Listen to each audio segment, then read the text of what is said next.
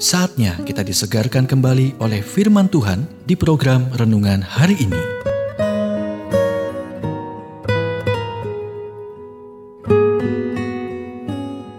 Renungan hari ini berjudul Carilah tangan Tuhan di dalamnya.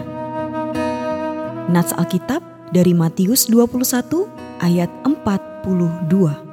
Batu yang dibuang oleh tukang-tukang bangunan telah menjadi batu penjuru. Hal itu terjadi dari pihak Tuhan, suatu perbuatan ajaib di mata kita. Terkadang penolakan orang lain ternyata adalah perbuatan Tuhan.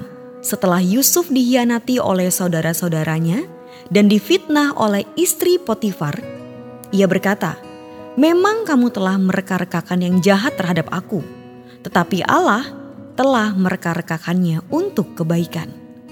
Seberapa sering sesuatu terjadi dalam hidup Anda yang kemudian Anda sadari itu perlu terjadi? Jika Anda tidak mempertahankan ini atau berjalan melalui itu, Anda tidak akan siap untuk berkat-berkat yang Anda nikmati saat ini. Saat Anda melihat tangan Tuhan di dalamnya, anda mulai memahami apa arti musuh bagi kehancuran Anda yang Tuhan gunakan untuk perkembangan Anda. Yesus, batu penjuru utama, terus-menerus ditolak. Teladannya menunjukkan kepada kita jalan ke depan. Menjadi lebih dari seorang penakluk berarti berdiri dan berkata, "Beginilah cara saya melihatnya." Butuh semua yang telah saya lalui untuk menjadikan siapa saya hari ini dan untuk mengajari saya apa yang saya ketahui. Saya memilih untuk menjadi lebih baik, tidak pahit. Saya mempercayai kesetiaan Tuhan lebih dari sebelumnya.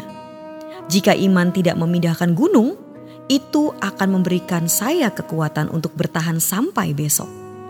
Dan jika itu tidak hilang besok, saya masih akan percaya bahwa Tuhan mampu dan mempercayai Dia untuk melewatinya. Bersukacitalah, langkah Anda dan pemberhentian Anda sedang diatur dan diamati oleh Tuhan. Ketika Anda melewati ini, Anda akan menyadari bahwa hal terburuk yang bisa terjadi pada kenyataannya adalah perbuatan Tuhan, dan itu akan menjadi luar biasa di mata Anda.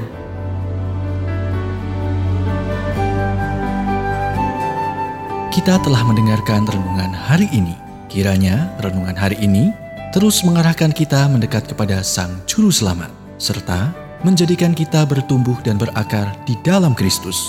Renungan hari ini tersedia dalam bentuk buku maupun digital dan bisa Anda miliki dengan menghubungi Japri di WhatsApp 0812 8784 7210 atau email ke infoapripusat@gmail.com. Tuhan memberkati.